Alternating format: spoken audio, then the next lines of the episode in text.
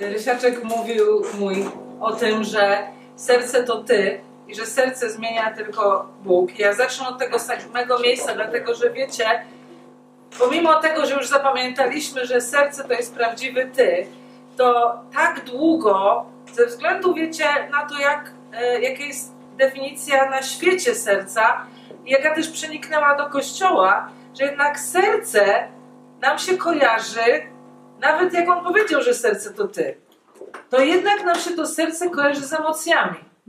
I kiedy myślimy o jakiejś szkole, czy jakimś wydarzeniu, na którym pracujemy nad przemianą serca, to kojarzy nam się, że jest to jakieś wydarzenie, gdzie się koncentrujemy na uzdrowieniu emocjonalnym.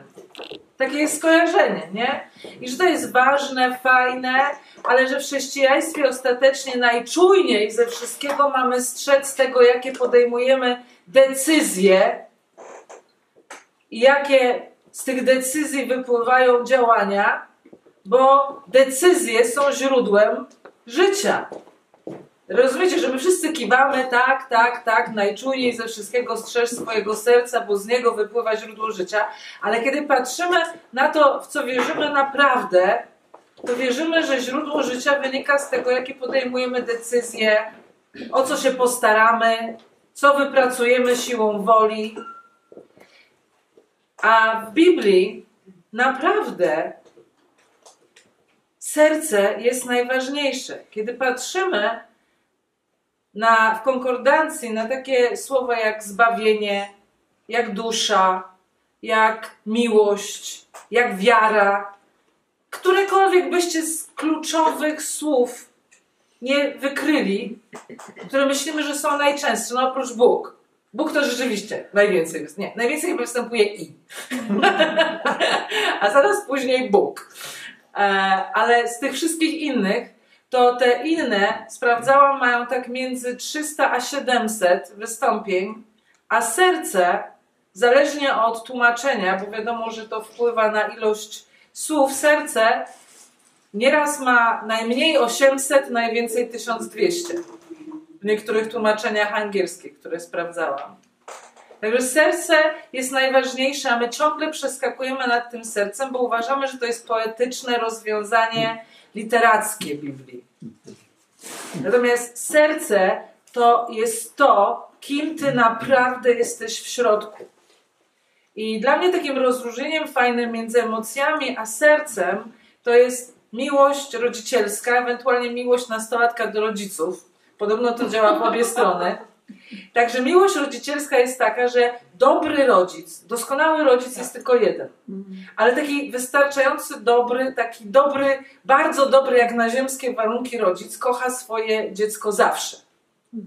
I po prostu jak myśli o swoim dziecku, to myśli tylko o tym, żeby dać mu to, co najlepsze, żeby piękny człowiek z tego dziecka wyrósł, świadomy tego, że jest kochany, żeby świadomość bycia kochanym owocowała taką bezinteresownym, po prostu pięknym życiem w tym dziecku i też chce się, żeby to dziecko było po prostu dobrym, pięknym człowiekiem, ale jednocześnie chce się sprawić przyjemność tego dziecka i marzy się o relacji z tym dzieckiem, po prostu kocha się swoje dziecko. Zawsze. Ale uczucia różne. Różne. Właśnie tak mówię, kiedyś była bardzo mieszana grupa, gdzie było dużo nastolatków i nastolatki mówiły, że to samo działa w drugą stronę.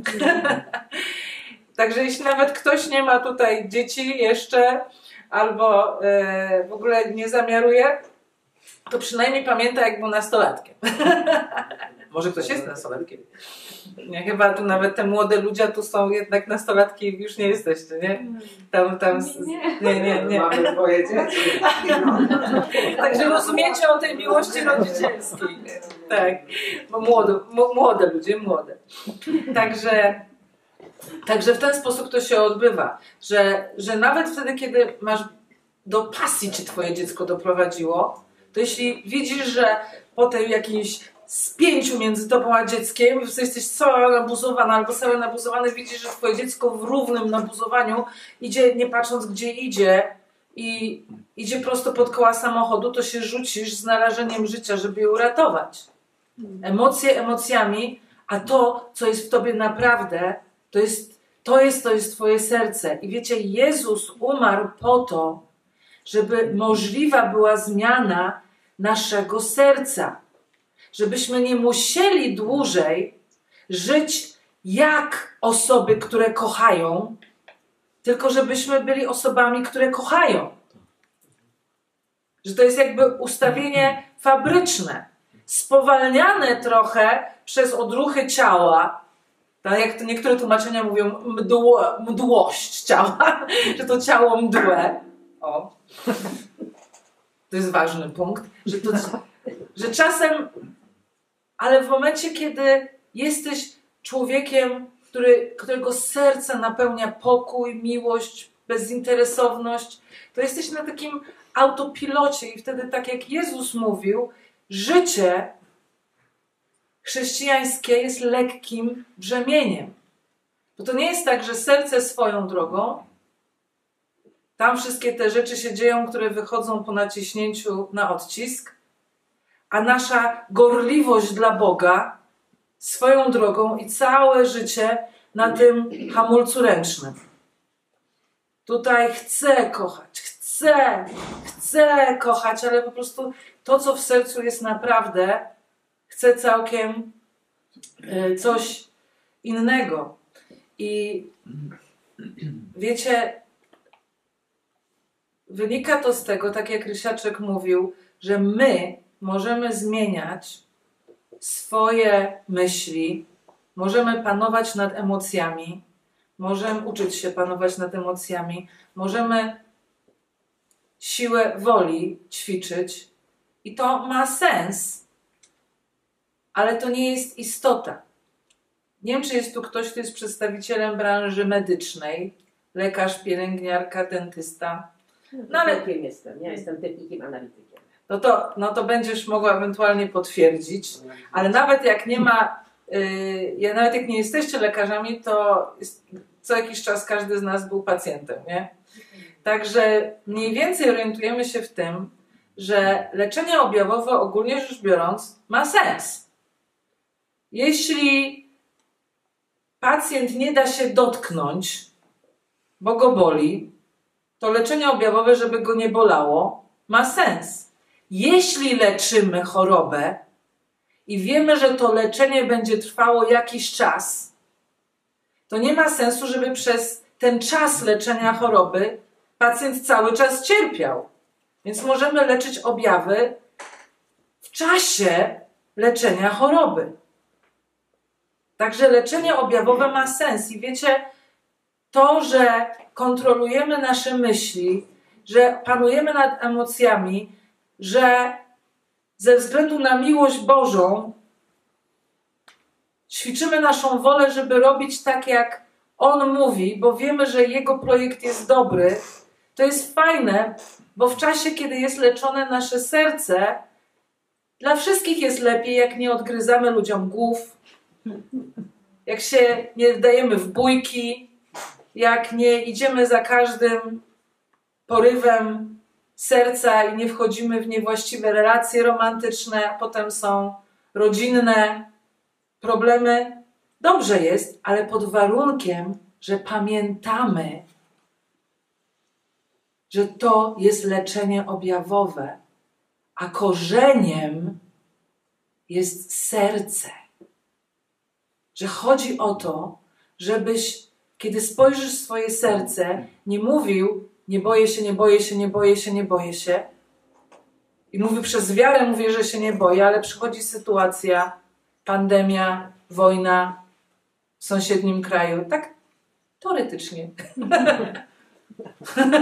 Takie teoretyczne przykłady. Zastanawiamy się, czy do nas ta wojna nie dotrze. I rozumiecie, się okazuje, że to decyzje zaczynają wypływać z serca i z tego, co tam jest naprawdę. I Słowo Boże mówi, żeby najczulniej ze wszystkiego, nie wyłącznie. W ogóle, jeśli chodzi o zmianę myślenia, to w ogóle jest takie też ważne, to jest coś, co od nas zależy. I zmiana myślenia jest o tyle ważna, że jeśli nie zmienimy myślenia na temat na przykład tego, co jest ważniejsze, zadbanie o nawyki i zachowania, czy zadbanie o serce, to nie zaczniemy tego serca zmieniać, bo ogólnie rzecz biorąc kultura mówi, że najważniejsze jest to, co możemy zrobić, a możemy możemy zakręcić się wokół nawyków, zachowań, myślenia i takich rzeczy. Więc zmiana myślenia też jest ważna, żeby w ogóle podejść do miejsca, gdzie nasze serce może być zacząć, zacząć być zmieniane. Więc serce to jest to, co tam naprawdę się w tobie dzieje. I szczerze mówiąc, jeśli jesteś podobna lub podobny do mnie, to bardzo często my sami nie, nie wiemy, co tam się dzieje, bo żyjemy w dosyć mocnym zaprzeczeniu. Jesteśmy już nawróceni 4, 16, 36 lat, więc już wiemy, co powinno tam być. I podejmowaliśmy działania, żeby to zmienić, co tam jest. Więc w końcu przyjęliśmy, że chyba jest już na tyle, na ile ma być, i nadrabiamy tym, co zewnętrzne. Ale Bóg nie patrzy na to, co zewnętrzne. Bóg patrzy na serce. Całe to kazanie na górze Jezusa można streścić tam, gdzie on mówi, Rysiaczek tu wspomniał, że e, faryzeusze mówią nie cudzołóż, a Jezus mówi nawet jeśli patrzysz porządliwie na kogoś, kto nie jest twoim małżonkiem, to to jest cudzołóstwo. I można to streścić, całe to daje kilka przykładów. Można streścić to takimi słowami, że religia mówi ogarnij swoje zachowanie, a ja mówię ogarnij swoje serce. Bo z serca to wszystko wypływa. Z serca wypływają złe myśli, cudzołóstwa, kradzieże. I zwykle ten fragment sprawiał, że czułam się przy, przytłoczona, no bo jak tak się sprawy mają, całe chrześcijańskie życie próbuje zmienić swoje serce, to jest walka z wiatrakami. Serce jest zdradliwsze niż wszystko inne. Już mi się wydawało, że zmieniłam, a okazało się, że zmieniłam tylko nawyk myślowy, a przyszło ciśnienie, wyszło serce. Jak to serce zmienić? To, jak mamy serce zmienione, to naprawdę jest już fajnie. Taki myśliciel, którego odkryłam w ciągu ostatniego roku, myśliciel chrześcijański, amerykański, który już nie żyje. Dużo osób właśnie bardzo, y, wiem, jakoś tak dużo osób, które czytam, go cytuję ostatnio, więc go odkryłam. Dallas Willard. On powiedział coś takiego, że jak mamy zmienione serce, to wtedy możemy już kraść, cudzołożyć, kłamać, zabijać, wdawać się w awantury, po prostu robić naj, najróżniejsze rzeczy, tyle ile serce zapragnie, czyli wcale. Przecież nikt nie wstanie i nie stwierdza, chcę dzisiaj nagrzeszyć i być draniem. To wychodzi. Więc nikt nie będzie się, jak nie masz w sercu tych rzeczy, to nie będziesz się do tego zmuszać. Oczywiście. Jakie lekkie brzemię. A jest napisane, że to On da nam to serce nowe. To dlaczego? I że to dlaczego my nie mamy tego? Dlaczego po prostu w kościołach są ludzie, którzy starają się zmieniać zachowania, myślenie i wszystko inne? No? Bo się starają. Bo się starają. Bo się starają. Rzeczywiście jest tak. To w takim razie jak można zmienić serce? To, to jaki jest sposób na zmianę serca?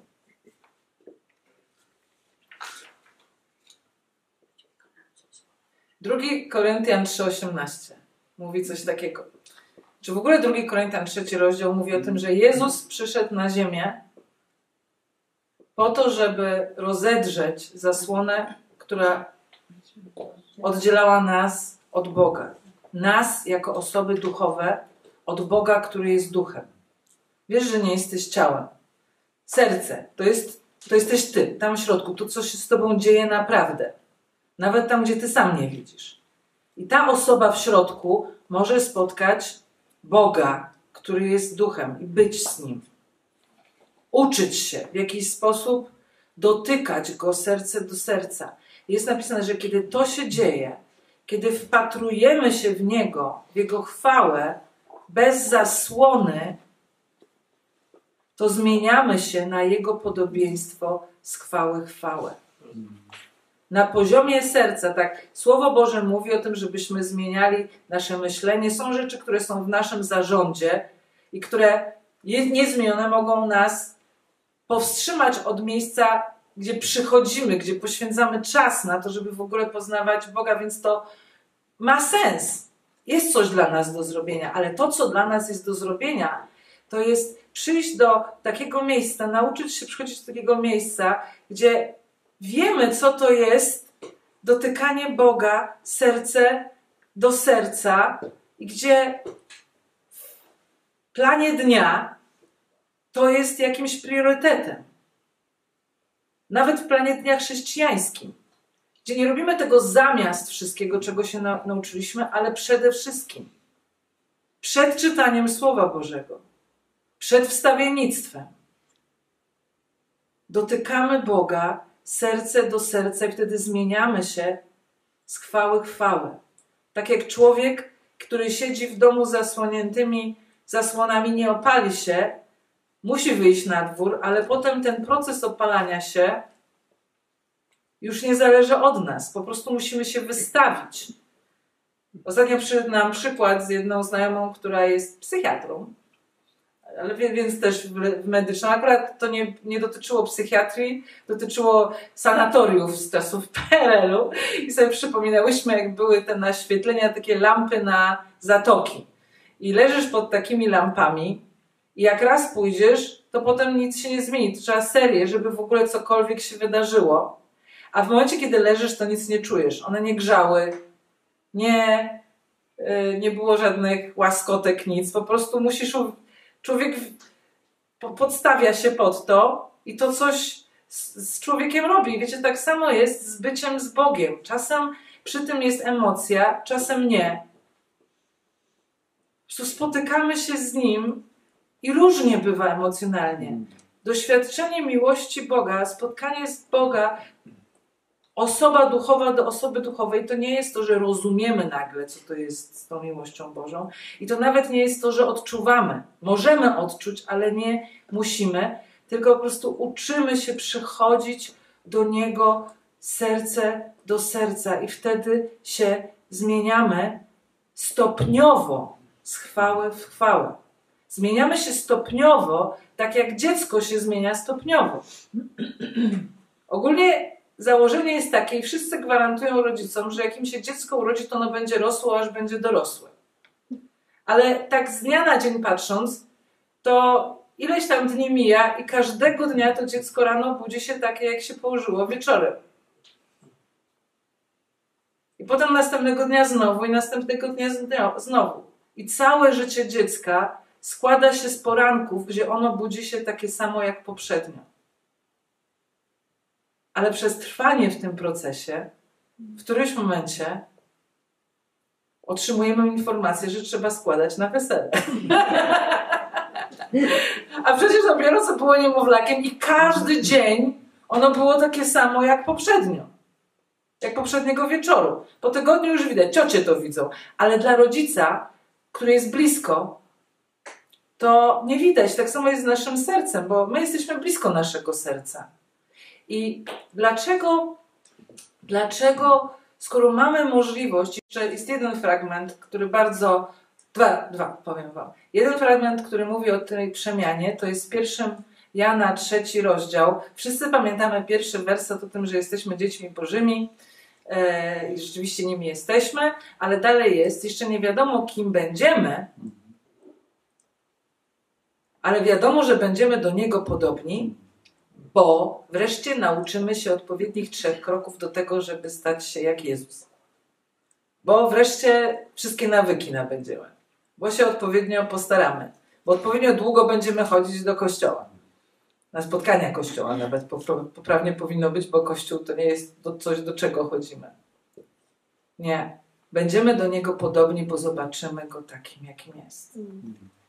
Wiecie, widzenie Boga sercem coś robi z naszym sercem.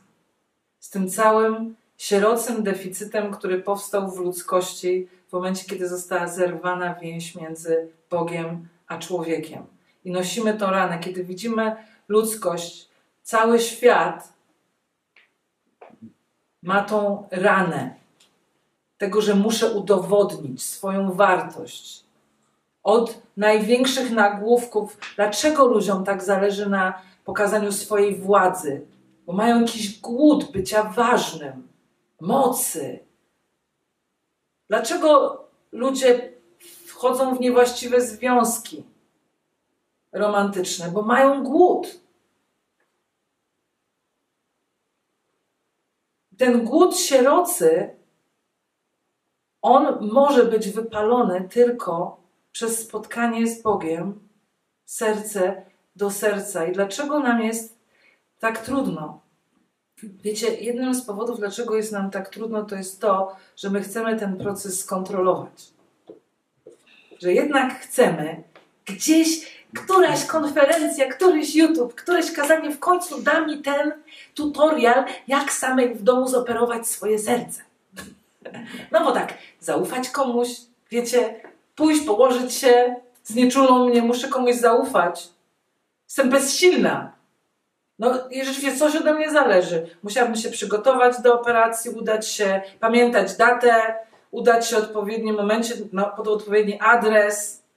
Coś ode mnie zależy, ale ja bym chciała jednak, żeby któraś z tych książek, żeby może wydawnictwo Dawida albo Sharon wydało wreszcie tę książkę, gdzie w punktach będzie, jak ja w domu będę mogła zoperować swoje serce.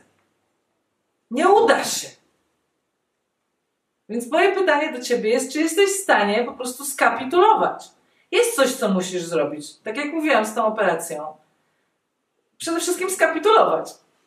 Spędzać czas. Więc to jest to, że mamy zmieniać nasze myślenie, wolę, decyzje. To wszystko są ważne rzeczy i Biblia mówi, że mamy to robić, ale to jest to, że w czasie, kiedy serce jest le leczone, zmieniane, to jest po, to po prostu na tyle, na ile jesteśmy w stanie, słuchamy instrukcji Boga, bo wiemy, że On jest dobry, Jego instrukcje są dobre. Ale najczujniej strzeż swojego serca, więc najczujniej ucz się. Wiecie, ten świat jest pełen gwaru.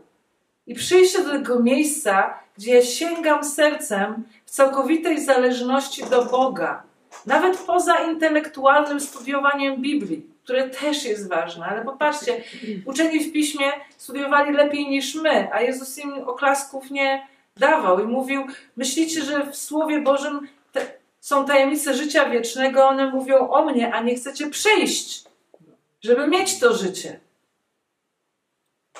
Jak przyjść? Ja to nieraz porównuję, nie wiem, czy ktoś pamięta takie książeczki Magiczne Oko. To nie jest okultystyczne. Nie ma w tym nic magii. To jest czysto jakaś nauka, ale nie wiem na czym to działa. Jak ktoś byłby to optykiem, może by wiedział. To były takie książeczki, gdzie były takie mozaiki. I jak otwierałeś, to wyglądało na ładną, kolorową mozaikę, ale jak się odpowiednio przyjrzałeś, to z tego wychodził trójwymiarowy obraz.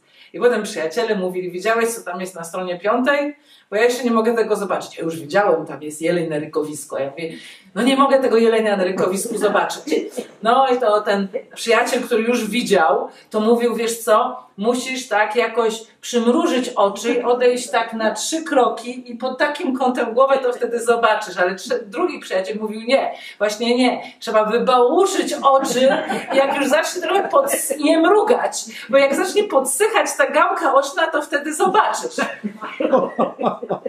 I ogólnie rzecz biorąc, nie było sposobu, żeby to zobaczyć inaczej, jak tylko słuchać ich wszystkich, samemu próbować, próbować jednej i drugiej metody oraz pośredniej i próbować, aż zobaczysz. I chyba tak jest z dotknięciem serc, Boga serce do serca. Żeby być głodnym, żeby wiedzieć, że, to, że możliwa jest zmiana mojego serca i że nie ma innej drogi niż stykanie się z Nim bezpośrednio i i po prostu przychodzenie z głodem i szukanie tego momentu. Przed, taki przychodzisz i siadasz i, i trochę tak jak z koncertem, że jak wychodzisz i nic nie słyszysz, musisz jakiś czas poczekać, aż zaczniesz słyszeć znowu. To my z tego świata przychodzimy, siadamy przed Bogiem po prostu, żeby wylewać nasze serce, żeby przyjmować. Tak jak Rysiek mówił, że to nie musi być emocja, tylko siadam i mówię, prostu rozlewaj swoją miłość w moim sercu. Miłość, która nie jest emocją, tylko miłość, która jest osobą, która jest rzeczywistością duchową i kiedy ją przyjmuje z zależnością dziecka, to bez względu na to, czy coś czuje, czy nie czuje, ta miłość, od której jestem zależna codziennie, coś w moim sercu zmienia od środka i szukam tego miejsca, gdzie moje serce zetknie się z nim, serce do serca i to nawet nie jest słyszenie i widzenie w duchu, chociaż to jest bardzo ważne. Ale wiecie, możemy na YouTubie widzieć i słyszeć jakiegoś Shona Bolca, czy innego naszego ulubionego mówcę, Billa Johnsona, rozpoznać go wszędzie, jak go zobaczymy, usłyszeć jego głos, bo ktoś słucha i wiedzieć, że słucha Shona Bolca czy Billa Johnsona, yy, lubić jego nauczania, wprowadzać je w życie, dzięki temu widzieć zmianę w swoim sercu, w swoim życiu, poprawę. Ale serce zmienia się w momencie, kiedy ja spędziłam. Wiecie, ludzie mają na siebie wpływ przez relacje. Gdybym ja spędziła z Billem Johnsonem jako sąsiadka ileś lat, byśmy wpadali do siebie nawzajem. Znałabym jego serce, wiedziałabym jak reaguje, co lubi, siedziałabym, spędzała czas z jego dziećmi, widziałabym, miała relacje na tyle długo, że widziałam jak jego dzieci były małe, widziałam jak je wychował. Po prostu mamy relacje. Istnieje jeszcze przepaść pomiędzy słyszeniem głosu Bożego i widzeniem w duchu, a tą intymnością. To jest coś, co dzieje się w cichości naszego domu. I wiecie, nie mamy tej przemiany serca, bo nam się wydaje to mało ważne, bo my nad tym nie mamy kontroli. Robimy to, ale dzisiaj jest tak samo ze mną jak wczoraj.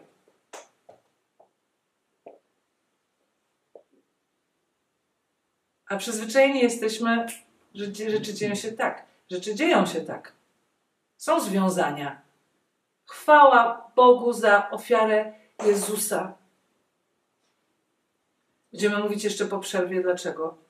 Ale chwała Bogu za ofiarę Jezusa, bo przez Niego klątwy, które zostały wypowiedziane nad, sam, nad nami albo sami wypowiedzieliśmy, są łamane i pewne trendy w naszym życiu, nad którymi nie mieliśmy siły, są łamane w jednej chwili. Rzeczywiście jest wiele rzeczy, które, które po prostu dzięki Jezusowi są łamane w jednej chwili, ale są takie rzeczy w życiu, które są obiecane przez Biblię. Właśnie te łagodne brzemię, ten pokój, którego nie zna świat.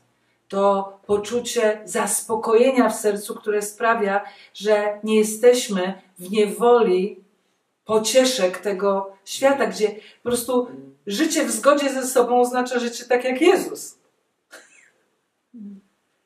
To jest obiecane w Biblii. I te rzeczy nie przychodzą przez prośbę, ale przez przebywanie.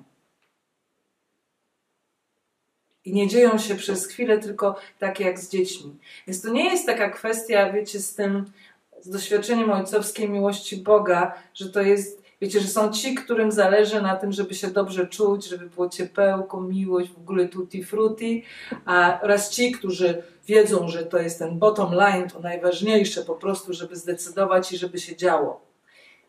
Są tu rodzice, już wiem, niektórzy się przyznali. Więc każdy przyzna, rodzic, że jak widzi, że jego dziecko straciło z nim kontakt serca i weszło w kiepskie relacje i robi źle i niszczy swoje życie, i robi rodzicom wbrew, to boli serce. To nie jest wszystko w porządku. Ale wyobraźcie sobie sytuację, że jest rodzic. Ma nastoletnie dziecko. I nastoletnie dziecko już ma w perspektywie studia w innym mieście i chciałoby, żeby rodzice te studia finansowali. Więc robi wszystko, co rodzice wymagają. Praca odpowiedniej porze do domu, zdobywa odpowiednie stopnie, robisz wszystkie swoje obowiązki, a ty jako rodzic widzisz, że nie masz w ogóle z nim kontaktu. Że wszystko jest w porządku, zachowania są w porządku i siadasz z taką niuńką, na przykład dajmy to, że to dziewczyna i mówisz niunia, co się dzieje, co się stało. Jeszcze miałaś 10-12 lat miałaś, to byliśmy tak blisko. Teraz jest jakiś mur między nami w tej sali. Jest jakaś sytuacja, której nie dało się umówić w różnych rozmowach rodzic-dziecko, bo nie da się każdej sytuacji omówić. I widzisz, że to dziecko w jakiejś trudnej sytuacji reaguje tak, jak ty byś zareagował. Mówisz, ma moje serce. I łzy lecą. Czyli widzicie, to dziecko robi, ale wynika to z relacji. To jest to, po co Jezus umarł. Biblia jest księgą o ojcu, który w tragicznych okolicznościach stracił swoje dzieci, stracił kontakt. Okłamali te dzieci. I on chce ciebie i mnie odzyskać. My potrzebujemy odzyskać jego, żeby żyć, ale on z desperacją rodzica tęskni za tym, żeby mieć tą relację znowu z nami. I wtedy zmienia się nasze serce, i wtedy żyjemy z tego serca. Zakończę też, a jeszcze nie, dwie rzeczy, dwie rzeczy, jeszcze dwie rzeczy. Jedna powiem o nawróceniu, a drugie o koszyczku i na tym skończę. Także dwa obrazki słowne. Jedno o nawróceniu. E, podzielę się z Wami, że bardzo, bardzo mi się podobało, jak odkryłam, jaka jest hebrajska, hebrajskie zrozumienie nawrócenia. U nas się zwykle mówi, jakie jest greckie. I nie jest to nieprawda, tylko że jest to część prawdy. Bo ta metanoja, o której mówimy, to zwykle jest albo zmiana myślenia, albo zmiana kierunku. Nie? Że stoimy w jednym kierunku, idziemy w tym kierunku i potem zmieniamy myślenie i zmieniamy kierunek. I myślimy inaczej i robimy inaczej. Hebrajskie nawrócenie, teszuwa, ostatecznie prowadzi do tego samego, tylko się okazuje, że to greckie jest pewnym skrótem myślowym. I to hebrajskie pojęcie nawrócenia jest w całym Starym Testamencie. Czytam jeden fragment. Jeremiasza 3, w 19 wersecie Bóg mówi: Pomyślałem, jak mam Cię umieścić pomiędzy synami i dać Ci tę wspaniałą ziemię, piękne dziedzictwo, najcenniejszy klejnot narodów. W innych tłumaczeniach jest nawet napisane, jakże chciałbym umieścić Cię między synami. I pomyślałem, gdy zaczniecie mnie nazywać mój ojcze i przestaniecie odwracać się ode mnie. Także to jest ten moment, kiedy jesteśmy zwróceni od Boga w niewłaściwym, ta pierwsza część metanoi. I on mówi, jakie jest na to wyjście. Mówi, powróćcie, zawróćcie, odwróćcie się do mnie, odstępczy synowie, a ja uleczę wasze odstępstwo. Także w tym pojęciu metanoi jest jakby przeskoczony jeden krok. Że rzeczywiście coś od nas zależy, odwracamy się od naszego grzechu i w tym stanie, w jakim jesteśmy, zwracamy się do Boga, rzucamy się w Jego ramiona. I On leczy korzeń naszego odstępstwa. I w naszym sercu już tego odstępstwa nie ma. Ja kiedy Nawróciłam się, nawróciłam się oczywiście z takim samym, każdy z jakimś deficytem się nawraca. Moim deficytem był deficyt miłości i przed nawróceniem miałam dużo problemów z...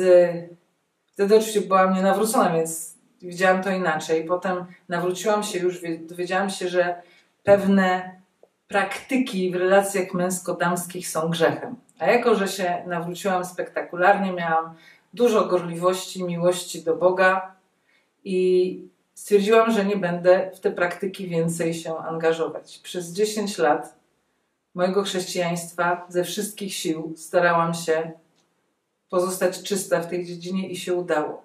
Przez 10 lat. Potem przyszedł moment wypalenia. Przyszedł moment, kiedy moje wnętrze czuło się wykorzystane kiedy miałam wrażenie, że współchrześcijanie dbają tylko o to, co mogę zrobić. A to, że prawie mnie to zabija, to już nikogo nie obchodziło. Więc popadłam w duszewne baterie, wyczerpane baterie duszy. Nie miałam już z czego trzymać ten tamę. I się okazało, że przez te 10 lat w sercu tylko urosło spiętrzenie. Zatrudniłam się w korpo. W pierwszej chwili mi się wydawało, że tam ludzie traktują się nawzajem z większą łaską niż w wspólnocie, w której byłam. Zaczęłam tam nabywać relacje, nie odchodząc ze wspólnoty. Tak, chodziłam trochę tu, trochę tu, w takim rozdarciu, ale to było tak pociągające dla mnie. No i oczywiście tak jak ugotowanie żaby wrzuconej do, do zimnej wody. Też mnie to bycie w korporacji ugotowało. Dwa lata, pękało to z tej strony, to z tej. Poczucie winy, próbowałam załatać sytuację, aż kiedyś ktoś to akurat się zaczęło od tego, że ktoś powiedział mi, że można pisać dziennik duchowy, gdzie wylewamy nasze serce przed Bogiem na piśmie. Jeden z pierwszych moich wpisów dotyczył sytuacji męsko-damskiej. I wylewałam przed Bogiem serce i mówiłam mu, że zgrzeszyłam, zrobiłam rzeczy, które są mu niemiłe. I w ogóle tego nie żałuję, ale bardzo się martwię, że nie żałuję. I że wiem, że powinnam być wobec siebie bardziej stanowcza ale jeśli mam być szczera, to najchętniej bym, jest we mnie taki głód miłości, intymności, że najchętniej rzuciłabym się w jego ramiona, żeby płakać. I przepraszałam, zaczęłam go przepraszać, że się marzę. On mówi: Nie, ja cię rozumiem. Tylko przychodź do mnie, ja mam dla ciebie plan. Twoja moc nie pochodzi ze stanowczości, ale ze mnie. Tylko przychodź do mnie. I to nie był moment, w którym stwierdziłam, o, Bóg nie ma mi za złe, to w takim razie hulaj dusza. To był moment, kiedy w dosyć szybkim procesie, po kilku miesiącach odkryłam, że moje serce jest wolne. To był przełom 99 i 2000 roku, a nawróciłam się w 88. Także tyle czasu byłam w stanie trzymać to siłą duszy. To jest to. Czyli szczerość przed Bogiem i przyjmowanie, przyjmowanie Jego miłości, Jego pocieszenia, zależność dziecka skontrastowana do niezależności dziecka ulicy, taka dobra zależność, gdzie jesteśmy w rękach kogoś dobrego, kogoś, kto jest po naszej stronie. I to prowadzi do zmiany serca. Naprawdę ostatni obrazek. Nie wiem, czy ktoś oglądał film e, Miłość przychodzi powoli. Tak, to jest film na podstawie, na podstawie chrześcijańskiej powieści. I rzeczywiście jest taki, zwykle faceci go mijają, bo to jest takie romansidło z dzikiego zachodu, z treścią, z przesłaniem chrześcijańskim, ale w związku z tym, że tam występują kowboje i twardzi faceci, to się okazuje, że jak Rysiaczek obejrzał, a on facecki facet, to jemu się też podobało. Także można obejrzeć, gdzieś to jest w internetach. No i to się dzieje na dzikim zachodzie, tak dzikim, że nawet tam nie ma jeszcze tego kościółka z wieżyczką który w ciągu tygodnia jest szkołą, a w weekend, y, w niedzielę kościołem, budynkiem kościelnym.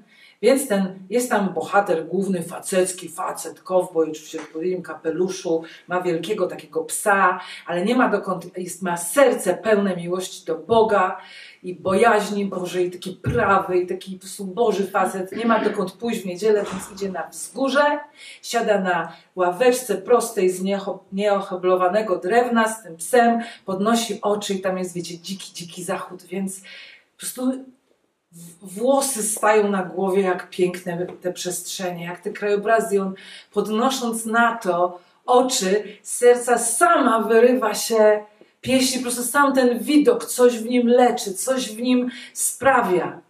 I wiecie, my możemy przez Jezusa przychodzić nie do piękna stworzenia, tylko do piękna stwórcy. A my przychodzimy sobie z koszyczkiem przed tą miejsce, gdzie jest zerwana zasłona i jako nowonarodzeni chrześcijanie zaczynamy mówić. Na początku jesteśmy oczywiście niewyedukowani, więc mówimy to, to tu mi się źle dzieje, tu mi się źle dzieje. Nie mówimy tato na początku, przepraszam. Panie Boże, tu mi się dobrze, tu mi się źle dzieje, tu mi się źle dzieje, tu mi się źle dzieje, tu mi się dzieje, ratuj, tu ratuj, tu ratuj, płaczemy, skarżymy się. I On nas kocha, więc z wielu rzeczy nas rzeczywiście ratuje. Potem jesteśmy już bardziej edukowani, więc zaczynamy z tym koszyczkiem przychodzić i modlimy się nie tylko za nasze sprawy, ale innych ludzi z naszej wspólnoty i potem się modlimy już za rządzących w Polsce, potem modlimy się za rządzących w Europie, potem się modlimy za Izrael, potem za wszystko i w tym koszyczku. Potem jesteśmy jeszcze bardziej edukowani, więc wiemy, które słowo ogłaszać nad którą sprawą. Wiecie, to może jest śmieszne, ale to jest prawda duchowa. To jest prawda duchowa, więc jeśli ogłaszamy słowa nad tymi sprawami, to rzeczy są łamane i rzeczywistość jest zmieniana i stwierdzamy, no po prostu jestem już gość w Bogu, modlę się, wiem jak się modlić, jestem potężnym wstawiennikiem, zapraszają mnie na konferencję, mówię o wstawiennictwie i dzieją się rzeczy. Jeszcze jestem w zasięgu słyszenia Boga, więc On mówi różne rzeczy, mówi powiedz temu, za którego się modlisz, to i to i to i to. Ja mówię i On mówi tak, tak, tak, potrzebowałem tego potwierdzenia, to jest słowo od Pana. I jeszcze prorokuję. Po prostu jestem w służbie 20 lat. Potwierdzona dar proroczy, potwierdzone dar e, wstawiennictwa, a że w sercu, jak widzę kogoś innego, kto ma tą samą służbę i ma sukces, że czuję się zagrożony, ścisnąć. Chrześcijanin tak nie czuje.